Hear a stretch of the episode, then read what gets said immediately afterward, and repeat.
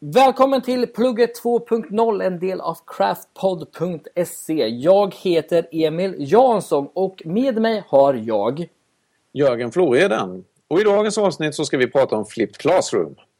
Och då har vi med oss två personer som varit väldigt drivande i utvecklandet av konceptet Flipped Classroom i Sverige. Karin Bornebäck, hon bloggar, föreläser och är drivande som administratör i Flipped Classroom Facebookgruppen. Välkommen Karin Bornebäck! Tack, tack!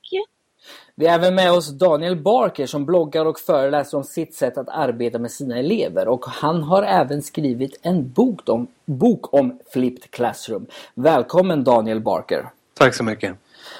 Vi tänkte så här att vi ställer den första frågan som vi ställer i det här avsnittet är varför kan vi se ett sådant genomslag av denna metod just nu? Eh, vad säger du Daniel? Ja, jag, jag, tror faktiskt inte att det handlar om tekniken där utan jag tänker att eh, när man har pratat om nya metoder eller tankar att bedriva undervisningen i skolan så har det här med tidsbristen eh, dykt upp som en fråga. Eh, så och när man börjar prata om att, eh, som i det här fallet flippa då, så, så tror jag att man plötsligt inser, eller man börjar kunna se att eh, eh, tiden kan användas på ett annat sätt. Så att det är inte tidsbristen som är en faktor längre utan man kan faktiskt jobba på ett helt nytt sätt. Och eh, kanske vinna tid till att göra andra saker i klassrummet. Jag tror att det där är någonting som har gjort att det har fått ett ganska stort genomslag. Ja, jag tänker också just det där som du säger med tid att eh, alltså det är det som en del kan se som ett hinder, så att de tror att det ska ta att man ska tjäna bara tid, men det är ju också ett hårt arbete bakom innan man tjänar den där tiden. Det, man, det är ju det är en växling av tid så att säga vi pratar om. Just allt det där vi känner att vi inte hinner i vanliga fall i klassrummet, det är det man börjar hinna nu. Det är jag fel på nu, eller? Nej, det är jag inte. Nej, men hur, hur känner ni det? Alltså, ja. Initialt eh, så kostar det mycket tid? Eh, I början så tar det, det, det är naturligtvis en tröskel innan man ja, kommer igång gör man ju naturligtvis direkt men i början tar det väldigt, väldigt mycket tid. Det är ingen snack om den saken. Eh, men, men det gör det ju oavsett hur man förändrar sitt sätt att arbeta så att det här är väl ingen skillnad. Men eh, sen när man har kommit över den tröskeln så tar det inte mer tid än, än att eh, förbereda sig på andra sätt så att säga. Men när du, tänk, när du pratar tid Daniel så tänker du mycket på tiden med klassen. Alltså för nu, nu ska vi inte prata om 40 minuters lektioner men det är ju ändå en, det, det, är ju ändå i, i, i, vissa situationer eh, kort om tid i klassrummet. Så det är väl mer den tiden du pratar om Daniel eller misstolkar jag det? Eh, ja, när jag, när jag pratar om tiden i klassrummet så, så är det naturligtvis så att den frigörs från, som i mitt fall tidigare så föreläste jag i stort sett hela lektionerna. Nu gör jag inte det längre. Men, men jag menar att det tar mycket tid så menar jag att det tar tid att komma igång med ett nytt sätt att arbeta och det är en tröskel som man måste ta sig över. Men det där är ju också intressant för det där är ju, som du var inne på Daniel, just det att vad man än gör om man förändrar någonting, vilket vi mer och mer måste tänka på att vi måste göra i skolan idag, så måste man förstå att det är inte någonting som någon kommer ge en gratis eh, tidsmässigt. Utan det, det, är en tid man måste ta sig. Sen är det ju väldigt, väldigt tacksamt om man får den tiden av sin arbetsgivare naturligtvis. Men det är inte det att man det bara kommer plopp in i huvudet utan man behöver ta sig den tiden för att det ska bli bra. Det går ju inte bara liksom att dra igång utan att ha tänkt igenom ordentligt och, och liksom fått bra stuk på det från början så att säga. Mm. Eh, om vi då tittar på Flipped Classroom som begrepp, hur, hur, skulle ni vilja definiera vad är egentligen Flipped Classroom? Vad säger du där Daniel? Oh, det är en spännande fråga. Jag tror att eh, jag får nästan gå till för min egen del och hur jag, hur jag tänker kring det. Och det eh, jag kan inte göra anspråk på att, att ha någon slags allomfattande definition utan i mitt fall så handlar det om att jag försöker använda tekniken på ett sådant sätt så att eleverna får en, en rättvis chans ska jag säga, att förbereda sig inför mötet i klassrummet och att, att jag dessutom med teknikens hjälp kan samla information om elevernas förförståelse innan vi möts i klassrummet. Så, så för mig handlar det om att eh, med teknikens hjälp förbereda ett så bra möte som möjligt i klassrummet. Mm.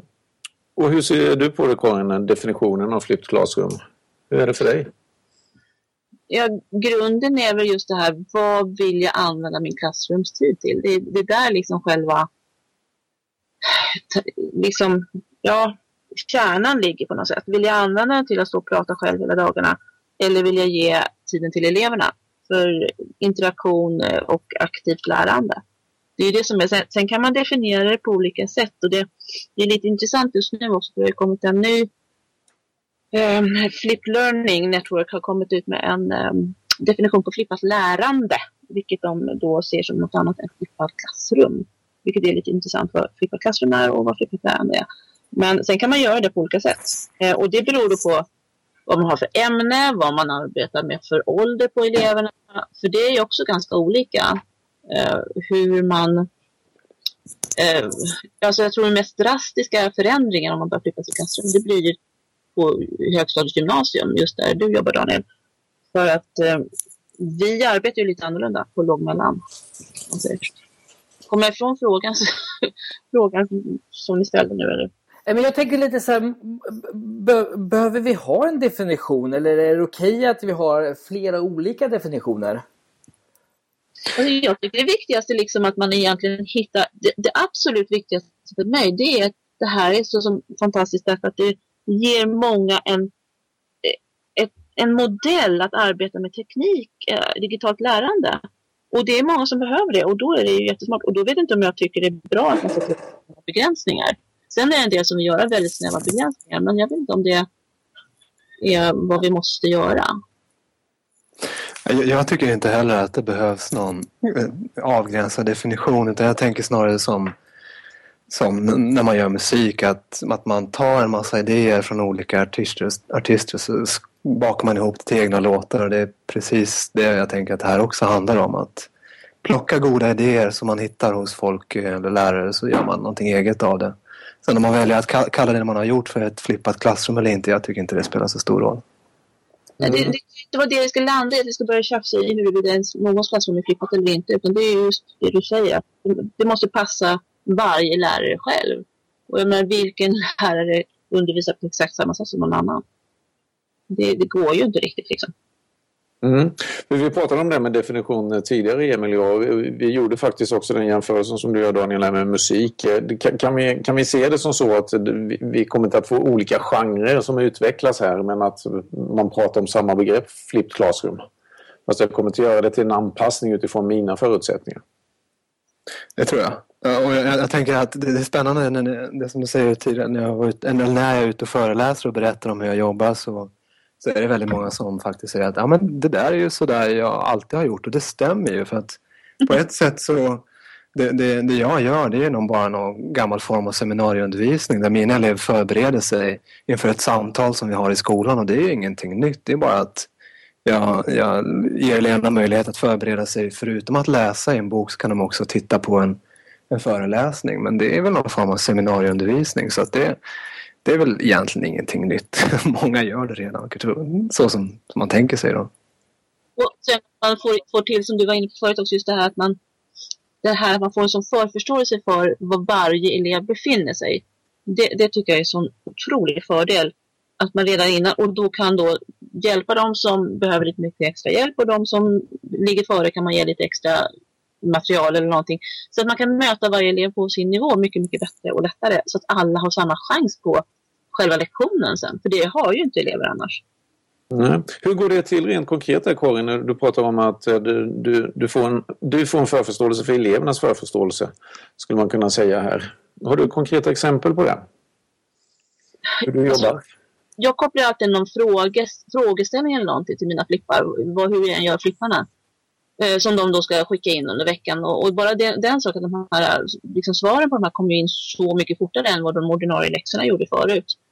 Eh, och sen eh, så kan jag läsa av då, till exempel om vi tar väldigt, väldigt konkret, prata läsförståelse eller läsläxa som man kör då lägre stadier väldigt mycket, jobba i trean, till exempel med den här pojken och tik som är en läslärare som heter någonting. Och för, då finns det sådana här eh, häfte till det som man kopierar upp och så ska alla eleverna svara på frågor. Så går man igenom hela häftet tillsammans med hela klassen. Det tar en otrolig tid. Mm. Om jag gör det här på nätet istället med en enkät till exempel. Eh, då kan jag se precis vilka frågor som klassen inte har klarat av. Och är det någon som inte klarar vissa saker, då kan jag gå in och bara hjälpa den. Se att den här eleven har absolut aldrig några problem med den här läsförståelsen. Då kanske jag puffar upp den med någon annan ytterligare läsning, något annat material. Eh, och sen så kan vi då beta av bara de frågorna som blir aktuella för eleverna, antingen individuellt eller i klassen. Så att man inte slipper gå igenom en massa, ta tid till sånt som de faktiskt redan kan. Mm. Mm. Jag, tänkte på en, jag tänkte på en sak du sa där Daniel, så sa du så här att, att, att, att folk säger, eller pedagoger säger så här att men det där har vi gjort redan tidigare. Eh, likadant får man ju som, eh, vad heter det, kommentarer kring formativ bedömning. Men så där har jag redan jobbat eh, hela tiden. Det är ju inget nytt. Eh, kan det finnas någon fördel i att man, att man får ett begrepp på någonting man gör? Eller förstår du vad jag tänker? Uh, nej. nej men alltså det blir... För, fördel, förlåt, men jag, hur menar du? Nej men alltså att det kan bli en, en, en att man får ett begrepp på någonting man gör, alltså att det definierats eh, vad, man, eh, vad man har gjort. Att man kan säga men jag gör Flip Classroom snarare än att säga jag eh, gör och så förklarar man hela liksom, processen. Utan det blir väldigt enklare. Mm. Jo, någon slags benämnandets makt där. Jag, jag, jag, jo, men jag, jag tror att en, en del i, om man pratar om genomslaget, en del i det hela är ju själva begreppet att det låter modernt på något sätt. Det låter nytt och det låter fräscht och där är kanske ligger lite hemligheten att det har fått ett sånt genomslag. Eh, men sen, sen om man pratar om det med definition så jag, jag, jag tror att ett, en annan del av genomslaget ligger i det här att det är med filmer och att plötsligt filmen, filmade genomgångar som man lägger ut i förväg och låter eleverna ta del av. Det, det möjliggör också en annan roll i klassrummet. Eh, men, men, jag tror att just det här med filmade föreläsningar är också lite av hemligheten. Att där ligger initialt åtminstone eh, varför det har blivit sånt intresse kring metoden eller begreppet om vi ska säga så. Mm. Och det, det, här har ju blivit eh, kopplat, Flip Classroom är, ju väldigt mycket sammankopplat med film. Hur har det blivit så? Ser du det där Daniel? Ja, alltså det, det, det, jag tror att det, man får nog koppla ihop det med, med tekniken i skolan och datorer i skolan. Jag, jag minns när den första skolan, den skolan jag jobbade på, där vi fick, eh, där alla elever fick datorer. Och en av de första sakerna som vi fick höra det var att nu kunde eleverna spela in filmer och vi kunde göra det själva också. Och, och det lät väl spännande men det var någonting som vi redan gjorde på högstadiet, små filmer med vanliga videokameror. Så att plötsligt, eh, det, var ing, det kändes som att det, det, vad är det som är nytt med det? Men plötsligt så när Flipped Classroom kom så, så det presenterades ju i början som att man faktiskt publicerade filmer till eleverna i förväg. Och just det där att tekniken fick en roll i, i, undervisningen och en roll som faktiskt förändrade undervisningen. Jag tror att det också gjorde att det fick ett sånt genomslag. Så att, att man ska nog inte sticka under stol med att filmade föreläsningar och Flipped Classroom det, det, har på något sätt det hänger ihop. Vad säger du Karin? Alltså filmer är ju det som, som eh, ja, blir spektakulärt och som folk tycker är en häftig grej. Och det är ju det, absolut. Och det är ju en stor fördel för många elever att se och höra och inte läsa på samma sätt. För det ökar ju förståelsemöjligheterna för många elever. Eh, så det är klart att det bidrar absolut. Sen har du alla andra de möjligheterna. Men om jag tänker ur mitt perspektiv då, som jobbar låg mellan så, så är det en omöjlighet för det första att flippa all min undervisning. Det går inte. För jag, menar, jag kan undervisa 11 ämnen till exempel Eh, så är ju den verkligheten jag har. Det skulle inte funka. Jag skulle inte klara det rent tekniskt och, eller ja, rent tidsmässigt faktiskt. Eh, och sen dessutom att jag, jag, måste variera mina flippar. För det, det, funkar inte att köra dem samma med hela tiden. Det är ungefär som att om, eh, jag får sådana frågor ibland. Ja, men om alla lärare flippar sitt då, och jag vet inte om det skulle vara så himla bra heller. För om alla elever skulle flippa och lägga ut filmer Eh, eller lärare skulle lägga ut filmer. Alltså, jag tror att eleverna skulle bli rätt trötta på det sättet då också. Man måste variera liksom. Annars så blir de ju lite halvskogstokiga. Så att eh, jag har ju flippat på massa andra sätt och med, med olika digitala verktyg. Och det funkar ju det också. Men det är ju liksom filmerna som är de som har synts mest och som har fått stort eh, genomslag. Liksom så. Därför det ger en dimension Men just det här att man kan börja använda digitala verktyg som något annat än skrivmaskin och uppslagsverk. Och mm. man börjar se det. Det är väldigt många som kommer så här, jag möter lite folk lite då och då och så säger de så här, jag ska börja flippa. Och då, då, då är nästan, nästan 90% av alla som säger det menar ju att de ska filma sina genomgångar eh, och ge dem till eleverna. Eh, och ibland så möter man även att det inte blir innan utan blir efteråt. Utan själva att enbart det här begreppet flippa är bara filmat. Eh, kan det finnas ett problem med det? Alltså, för, min, för min del så är det ju så jag gör så att om man skulle fråga vad, vad flippat innebär i mitt fall så är det att jag filmar mina föreläsningar och lägger upp dem på nätet. Så, men, men precis som Karin säger, jag, jag har ju, jobbar ju på det stadiet och det är med de ämnena som ska man säga, passar ganska bra att göra så. Eh, så ja, nej, varför inte? Vi har ju pratat lite eh Eh, Eh, under samtalen nu om vilka vinster Flip Classroom kan eh, ha. Eh, vilka, ut, eh, vilka fler vinster kan ni se med Flip Classroom? Som, om vi tar dig Karin, börja där. Eh, fler vinster? Eh, jag, jo, en, en, stor fördel tycker jag, det är att man blir väldigt, väldigt medveten om sin egen undervisning det tycker jag är en jättefördel. Att man helt plötsligt, i och med, alltså det är inte alla som gör det i och för sig, eh, men, men, jag tycker det är en stor fördel att man lägger ut det offentligt, så som Daniel gör, lägger ut alla sina filmer. Jag lägger också ut mina flippar. Så att de är, vem som helst kan gå in och se dem.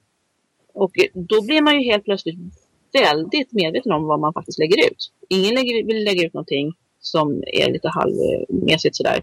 Och då tänker man igenom, vad håller jag på med? Varför gör jag det här? Hur kopplar jag det till läroplanen? För man måste vara beredd att kunna försvara sin undervisning på ett helt annat sätt. Och mm. det har varit en jättekick för mig tycker jag. Eh, om vi tar den lite, hur, hur såg det ut för er att liksom ta sig över den här tröskeln att faktiskt börja publicera saker offentligt som man då vet att ja, men det här kan faktiskt vem som helst gå in och se. Det, det finns ju andra lärare som naturligtvis granskar det materialet så, som ni gör som flippobjekt. Hur, hur tog du över den tröskeln Karin? Där? Alltså, igen, alltså, jag, jag var ju så feg i början så i början så mejlar jag hem till mina elever. Mm. Eh, när jag började förstå liksom att jag måste lägga ut dem offentligt för min egen skull också då framförallt. Då var det ju bara blunda och hoppa. Och när man väl har gjort det så är det liksom inget mer. Efter ett tag så vänjer man sig. Man, man tänker inte på att man låter som en anka när man pratar eller att det är lite sådär. Eh, och ibland gör man tokigheter, men det är inte värt att man ändrar eller något sånt. Det, är, det är så. Mm. Hur såg det ut för dig Daniel när du bestämde dig för att gå offentligt med din undervisning, vilket man kan säga att du har gjort? Mm. Jag, jag, jag, var nog inte riktigt medveten om vad det skulle innebära. Jag ska inte säga att det innebär inneburit eh, så väldigt, väldigt mycket negativt utan framförallt så är det väldigt, väldigt mycket positiva kommentarer som jag får. Men, men då och då så kommer det kommentarer, mejl och både kommentarer på mina filmer på Youtube-sidan som, som inte är så snälla. Och mm. det är klart att det är hårt att ta. Eh, men jag tänker alltid att det är fritt fram för vem som helst att göra det bättre i så fall. Så att det, det är bara att köra. Men när det gäller det här med vinster så en stor vinst för mina elever framför allt det är att tidigare fick ta med sig så otroligt mycket jobb hem. Och eh, när man, som i mitt fall, har elever som ska lära sig matematik och fysik på gymnasienivå så är det så många elever som inte kan få hjälpen hemma eller har möjlighet att betala för den läxhjälpen så att en stor vinst är att nu när eleverna jobbar med innehållet så finns jag där som ett stöd. Så jag, jag, tycker att det är en rättvis metod. Men ur mitt perspektiv så har det också lett till att jag får en bättre relation med mina elever eftersom jag helt enkelt pratar med, med varje elev på lektionerna. Eh, och, och, och det, det, har dessutom lett till att jag, jag har en helt annan koll på och ser vad de gör och vad de kan. Jag tror att min bedömning, eller jag ska säga att jag är helt säker på att min bedömning av deras kunskaper är säkrare idag än vad den var tidigare. Jag fick luta mig mm. mycket på prov, men idag har jag en helt annan översikt. Men man får ju möjlighet att se alla elever på lektionerna på ett annat sätt. Absolut. Och det måste bli tydligare tror jag för dig Daniel än vad det kanske blir för mig i och med att jag har en annan roll liksom, på låg och mellanstadiet också. Ja. För eh, det, det, du nämner här Daniel med relationerna och, så du också Karin. Eh, jag hade förmånen att titta på Aaron Sams och John Bergman i, eh, i London här nu i januari. Tror du också var där Karin va? Ja, jag var där. Förstod flödet rätt? Så. Eh, Och de som har hållit på ett tag där, pionjärer betraktas de som eh, inom Flipped Classroom, de, de framhöll ju just det här med relationerna som enormt viktiga. Ehm, det, det var ju riktiga framgångssagor som de beskrev i många, i många fall. Ehm, känner ni igen er i det här? Att den fördjupade relationen mellan lärare och elev?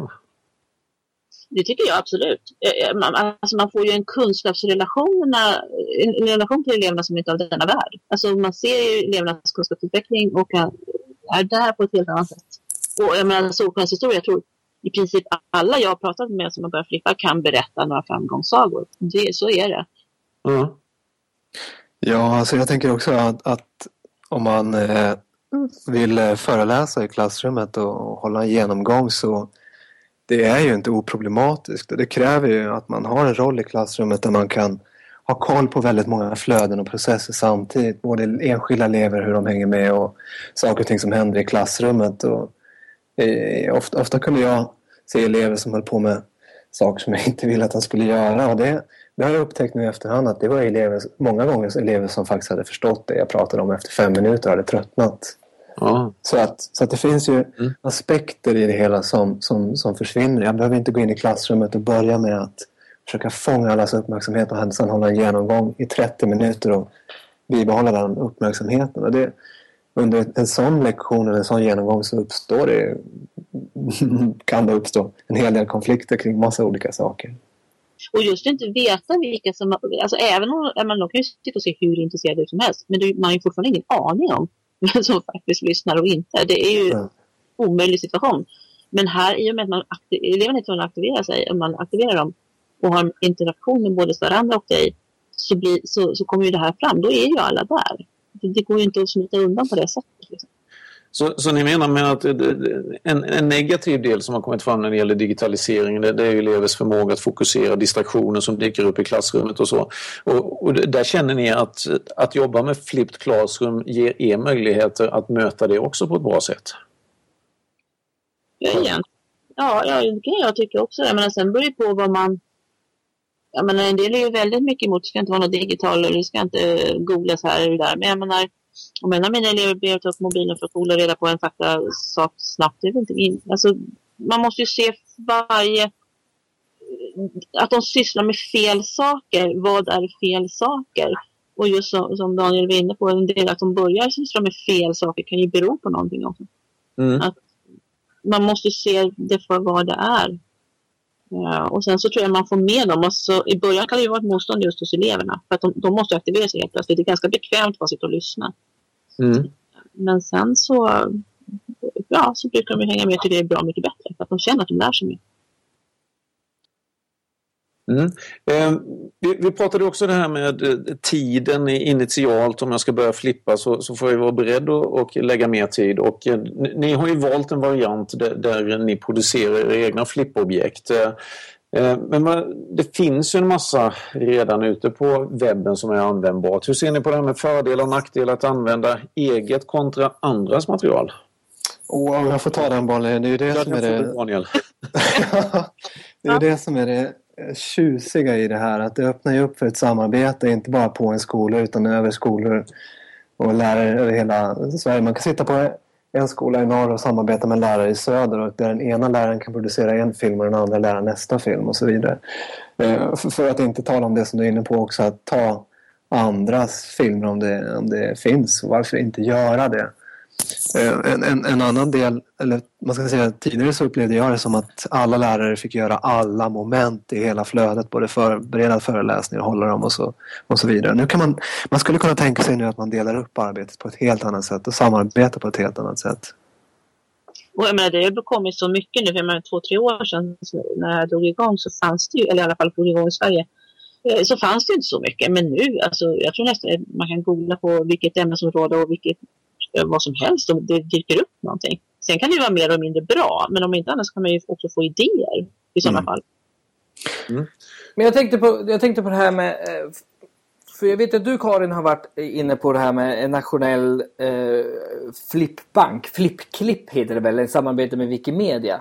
Ja. Eh, hur, hur tänker vi? Alltså för, för vad jag tolkar så har det inte gått jätte det inte blir jättemycket samlat på den sidan. Vad, vad kan det komma sig? Eh, jag tror det finns två orsaker. Det ena är att väldigt många vill ha, få i vilja att lägga ut själva. Det är det ena. Eh, liksom, det måste vara en balans. Eh, sen det andra är det att det har varit, jag har tre saker egentligen. Det, det, har, det har varit krångligt att lägga ut det på sidan. Eh, Wikimedia stödjer bara vissa format och sådana grejer så det har varit krångligt och det, det måste vara lätt. Det ska vara en knapp och sen som på Youtube och så mm. uppe. Eh, och sen har jag också det faktum att eh, jag vet inte vad jag ska säga om det men det finns alltid de som vill liksom eh, det finns kommuner som samlar filmer och det finns enskilda som filmar, samlar på sin sida. Men, men vad jag tycker vore så fint med det här Wikimedia-projektet är ju det att då skulle vi kunna få ett i Sverige där vi tillsammans hjälps åt att samla. Eh, och då är vi inne på just det här, liksom att vi hjälps åt istället för att det ska ligga på en kommun eller det ska ligga på... Och Wikimedia är ju ett fritt medium just det här med Creative Commons, dela och sådana saker. Och det är därför det vore så himla bra om det skulle kunna funka. Mm. Håller verkligen med där. Det eh, skulle vara jättekul att se mer. Mm. Eh, om vi går över lite till och fundera lite på om vi problematiserar Flipped Classroom. Uh, vad, till exempel vad händer om elever inte har, för, har förberett sig, de ser inte, de tar inte del av själva flippobjektet. Vad händer då? Då eh, inser de väldigt snart eh, att de har missat en ganska väsentlig bit för att kunna hänga med på lektionerna. Eh, och då kan man göra på flera sätt. Det ena är att man, ger dem, att man bara låter dem ja, missa Fast det tycker jag är lite synd. Men också kan man ge dem tid på lektionen att ta igen det. Jag menar, en del har inte samma möjlighet att sitta hemma och göra det. Och det viktiga är ju ändå liksom att de ska lära sig, inte exakt när de gör det. Jag tycker också det. Alltså, om man tänker sig en film som är tio minuter, om eleverna inte sett den i förväg, ja, men då får de sitta och titta på lektionen helt enkelt i början. Och, och det kan de ju göra. Och det, det, finns ju andra problem med det i och för sig. I mitt fall så börjar vi alltid med gemensamma eh, problemlösning till exempel. Och då, om man inte sett dem så är det svårare att delta i den. Men, men å andra sidan så märker jag att elever som har sett dem förklarar då för elever som inte har sett vad vi jobbar med och då får ju de en chans att repetera för sig själva vad vi gör. Vad vi gör. Så att eh, de tar igen det på ett eller annat sätt. Men, men visst, precis som elever som inte gjorde läxor förut så, så går det ju naturligtvis inte så bra om man inte har tittat på filmerna i förväg. Så är det jag kom på en fördel bara nu som, som, som jag ser det. Som, jag jobbar ju på en, eh, på en skola som har eh, internat. Eller vi har elever som kommer från hela Sverige eh, och bor. Och där ser jag en jättefördel med Flipped eh, att, att för, för oftast är ju de, i alla fall de objekten ni två gör väldigt bra presenterade så att, att ens föräldrar behöver inte ha förkunskaper kring området utan det finns i själva flippobjektet och det ser jag som en jättefördel framförallt om man inte kanske har sina vårdnadshavare nära sig så. Eh, mm det är en, jag var bara tvungen att bara eh, nämna det här i bifarten innan jag glömde bort det. För det är en jättefördel. Och de, eh, du har ju träffat några av mina lärare där Karin. Mm. Eh, och, och, och, det är ju jättekul att, att, eh, att man ser de fördelarna när, när man inte har den hjälpen hemma som man... Alla har ju inte den hjälpen oavsett om man bor med föräldrar eller inte och så vidare. Jag, jag tänker på just det med, med SFI och invandrare, alltså barn till invandrare och invandrarelever också, de har ju inte heller samma möjlighet just det här så tydligt. Och jag tänker på Hamid som gör filmer både, alltså det är så häftigt att lyssna på hans filmer för han pratar arabiska och så helt plötsligt kommer svensk begrepp. Eh, och att han liksom förklarar de svenska begreppen på, på arabiska, så de också får samma chans att hänga med. Och det här är en otrolig styrka just det här att få med även de som inte innan hade samma möjligheter. Ja, och jag tänker också att, att läxor är väl någonting som, eller en av de sakerna som skapar mest konflikter i hemmet. Och, och det, det, får man nog säga hänger ihop med hur läxor är utformade. Men, och jag tänker att elever som får med sig uppgifter i division att lösa med liggande, eller nu ska jag jobba med, med kort division där föräldrar har jobbat med liggande stolen, men det, det, är upplagt för konflikt. Medan om man jämför det med en, en läxa där eleverna får i uppgift att visa sina föräldrar en liten film där fröken går igenom hur man jobbar med kortdivision och skapar den insynen i skolan. Och jag tänker att det öppnar en helt annan möjlighet till att som förälder få syn på och, och hänga med på vad som händer i skolan. Ja, det är också nu när, det, alltså det är så mycket negativt om skolan i media och allt det här och vi gör inte det vi ska göra. Men om vi visar allt det här bra som vi gör på det här sättet så får ju det också skolan en kick framåt av det sättet. Mm. Mm. Känner ni att det har varit så? Vi hade ett avsnitt innan när vi pratade med Oskar Semb om den transparenta skolan. Att eh, vi är på väg genom eh, exempelvis att använda Flip Classroom att eh, visa på de goda exemplen som finns i svensk skola. Absolut, det, det känns som att dörrar och fönster står vidöppna och, och vill man, om man verkligen vill veta hur det funkar i skolan så är det bara att googla idag. Då får man direkt syn på vad som händer. Mm. Det tycker jag var så fränt när jag såg din föreläsning i Stockholm, Daniel. Där, där eleverna var rätt så... Eh, det var, då var det, några, det var fyra elever som var uppe på scen och så sa mm. de så här... Alltså, eh, frågade vi så här, men flippar alla då lärare? Nej, alla flippar inte, men hallå, det är väl bara att söka på Youtube. Det är väl flera som har filmat i andra ämnen. Och det var liksom ja. väldigt självklart för dem. Absolut, och det är det de gör. Det, det, var ju det, det var så jag upptäckte det själv, att vänta nu, eleverna har tagit ett steg här som, som jag inte hade tagit. För det var elever som för ett par år sedan stannade kvar efter en lektion och frågade om jag kunde någonting i kemi och de ville ha hjälp med. Och så sa en, en annan elev att nej, men hörni, gå hem och kolla på KAN istället. Det gör jag varje kväll. Och, det gör eleverna. De går hem mm. och tittar på samma genomgångar som deras lärare hållit, som någon annan håller på nätet. Så det är klart att om den resursen finns och eleverna använder den redan idag. Eh, jag tror det som kan vara en svårighet också just för jag tänker, alltså jag som är så väldigt gammal då, då um, alltså på min tid så, alltså där, vi var inte i närheten av det här överhuvudtaget. Och sen så att nu helt plötsligt, det är därför jag tror en del kan ha så svårt för det här.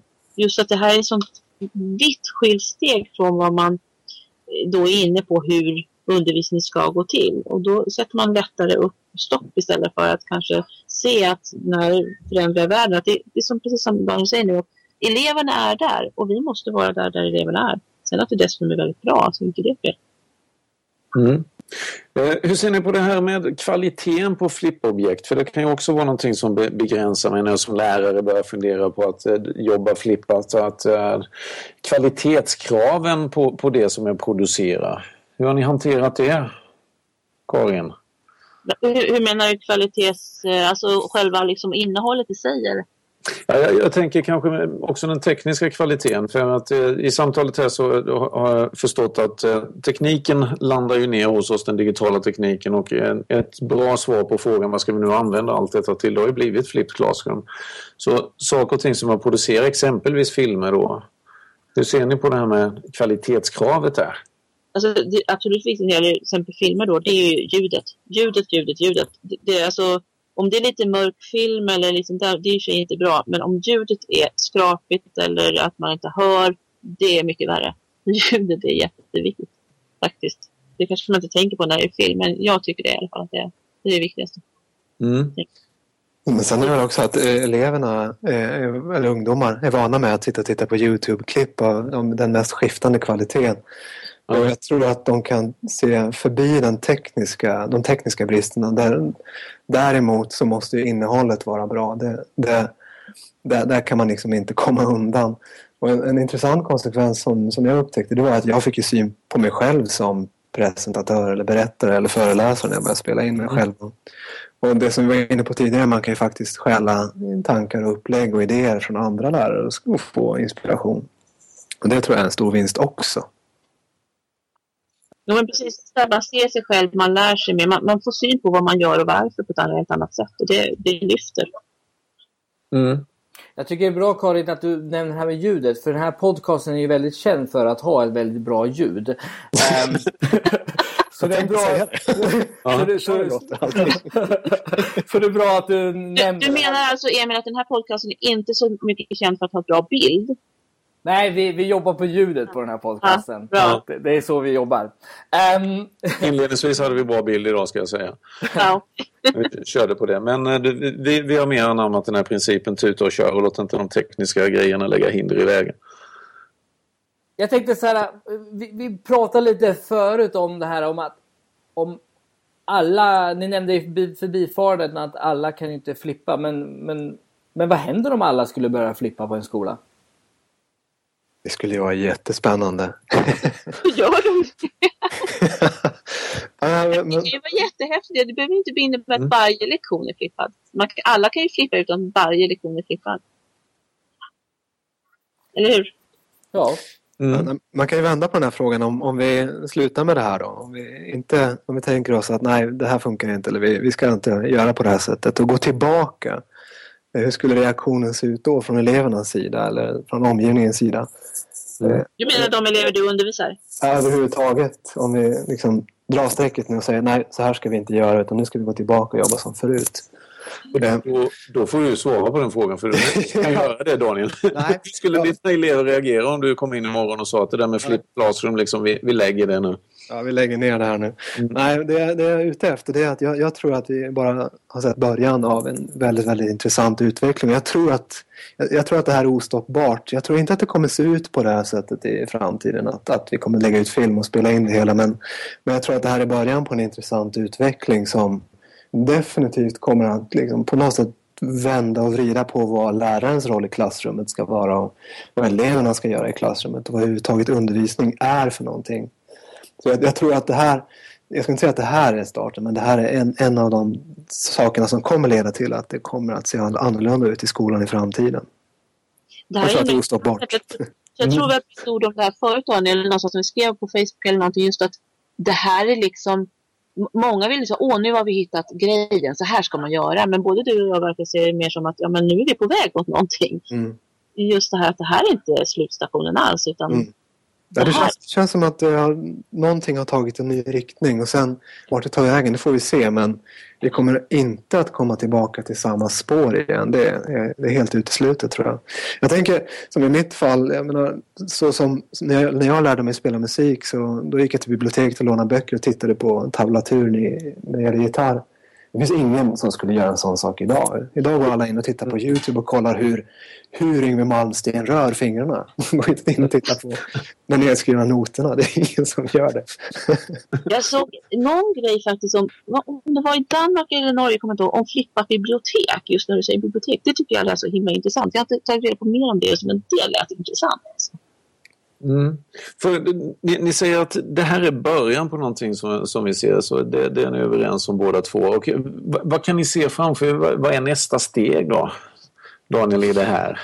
Och jag, jag, jag, jag tror, om man säger vad är inte nästa steg är, för jag, tror att en, en sak som eh, ligger och lurar här det är någon slags individualisering där man ser att eleverna sitter en och en och jobbar i egen takt framåt. Och jag tror inte Mm. att vi är på väg ditåt utan jag tror snarare att det, nästa steg blir att fundera ännu mer på vad som händer i klassrummet. För nu har vi kommit förbi det där att vi, vi behöver inte lägga ner så otroligt mycket tid på hur vi går igenom en andragradsekvation på bästa möjliga sätt. Utan det är gjort nu. Utan nu är nästa steg, okej hur ska eleverna bearbeta det här på ett, på ett så bra sätt som möjligt? Det är ju ofta där många fastnar också, just liksom att okej, ja, nu har jag gjort en film, eller nu har jag gjort en tidslinje, eller nu har jag gjort en enkät. Men vad gör jag i klassrummet sen då? Liksom, den biten måste man ju också ta. Det är det som är riktigt intressant. Ah, det är då det börjar. Yes. Eh, och, och där kan väl också finnas lärare. Jag har stö- stött på en del som blir lite förvånade över det här hur, mycket tid man egentligen frigör i klassrummet. Att, eh, att, att det verkligen finns en plan för den tiden också, att göra det till en kvalitativ bra tid. Och där skulle man kunna även säga till exempel att alltså många tänker så här, eh, ja men nu, om jag tar till exempel en till en, att nu kommer tekniken in i klassrummet. Ska tekniken ersätta läraren i klassrummet? Det är ju många som ställer den frågan. Och jag menar att utifrån det här samtalet som vi har haft idag så är det ju snarare tvärtom. Det här utmanar ju läraren ännu mer att eh, använda sin professionella pedagogik och, och så vidare. Oh, ja. Så att det, det, här är ju, det här är ju ett sätt att, att ta tillbaka eh, lärarens roll i klassrummet. Kan jag se det som i alla fall. Ja, att tekniken skulle göra liksom, läraren onödig, jag tycker det är en icke-fråga. Jag, jag, jag förstår Mm. inte liksom, varför man ens diskuterar det, för jag tycker det är löjligt, det sker inte. Det, det kräver ju mycket av en lärare att flippa klassrummet. Definitivt. Mm. Och utnyttja. Eh, du, du hade en intressant sak där också Karin. Du, du nämnde det här med flippade bibliotek till exempel som eh, du, du, du hade sett. vid något tillfälle. Eh, tror ni att det kan vara som så att det som vi håller på med i skolan, flipped classroom eller vissa gör i alla fall, att det, det är någonting som vi framöver också kommer att se i andra delar av samhället? Att... Ja, ja, ja, ja, ja. Det, det, oh ja. Oh ja. oh, ja, ja. Ja, du börjar prata om personalmöten nu va? Jag vet, en, ja, men bara det personalmöten så flippade, eh, vet, vet det, det, i, i, vad är de heter nu, Tina Tegnér och eh, Kristina Sikström va?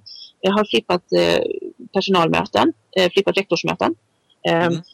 Max Hamburgare är medlemmar i, i Flippa klassrumgruppen på Facebook. Det är häftigt. Eh, John Bergman, när jag pratade med honom, berättade om eh, en sån här brandman som också var intresserad av det här som han hade pratat med. Just för att kunna liksom förändra sättet hur de instruerade sina gubbar då på brandstationen. Alltså det finns mm. ju oanade möjligheter. Tänk att flippa liksom Jan Björklund. Mm. Liksom, så, så, han i förväg vet vad han ska prata om. Jag tycker det är helt fantastiskt. Tanke. Ja, det, den är spännande. Så om vi fastnar för brandmännen där lite så skulle det kunna innebära att de kommer väl förberedda och vi går på släckningsarbetet direkt. Teorin har vi. ja, jo, jo. Fast de, jag tänker mer teoretiskt sådana saker. De har ju saker de behöver lära sig rent tekniskt och teoretiskt antar jag. Ja. Eh, men i och för sig, visst.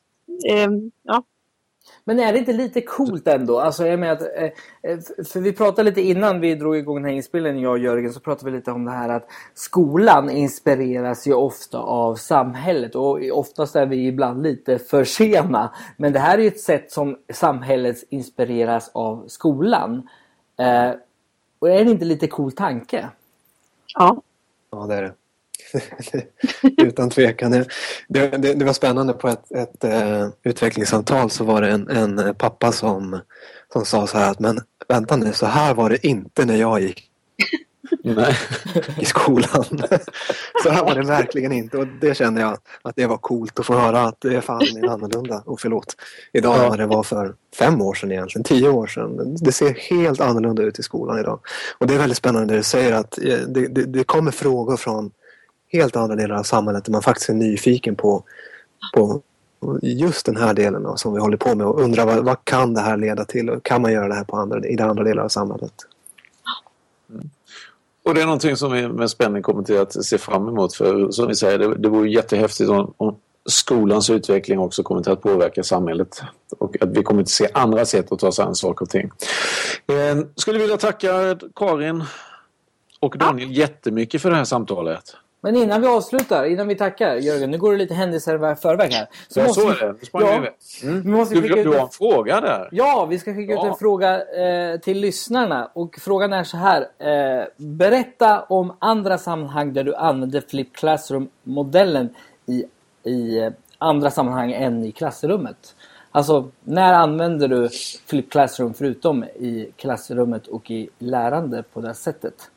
Eh, maila en mp3 till eh, plugget at craftpod.se en till två minuter, eller du kan prata hur länge du vill, det är helt okej. Okay. Eh, men en till två minuter är så lagom tid eh, för att kunna skicka den på ett mail. Eh, ja, vi skulle kunna sitta och prata här i timmar, eller vad säger du Jörgen? Ja, ja, utan problem. Ska vi köra några timmar till? Nej. Tack så jättemycket Karin och Daniel. Tack så mycket. Tack så mycket. Hej.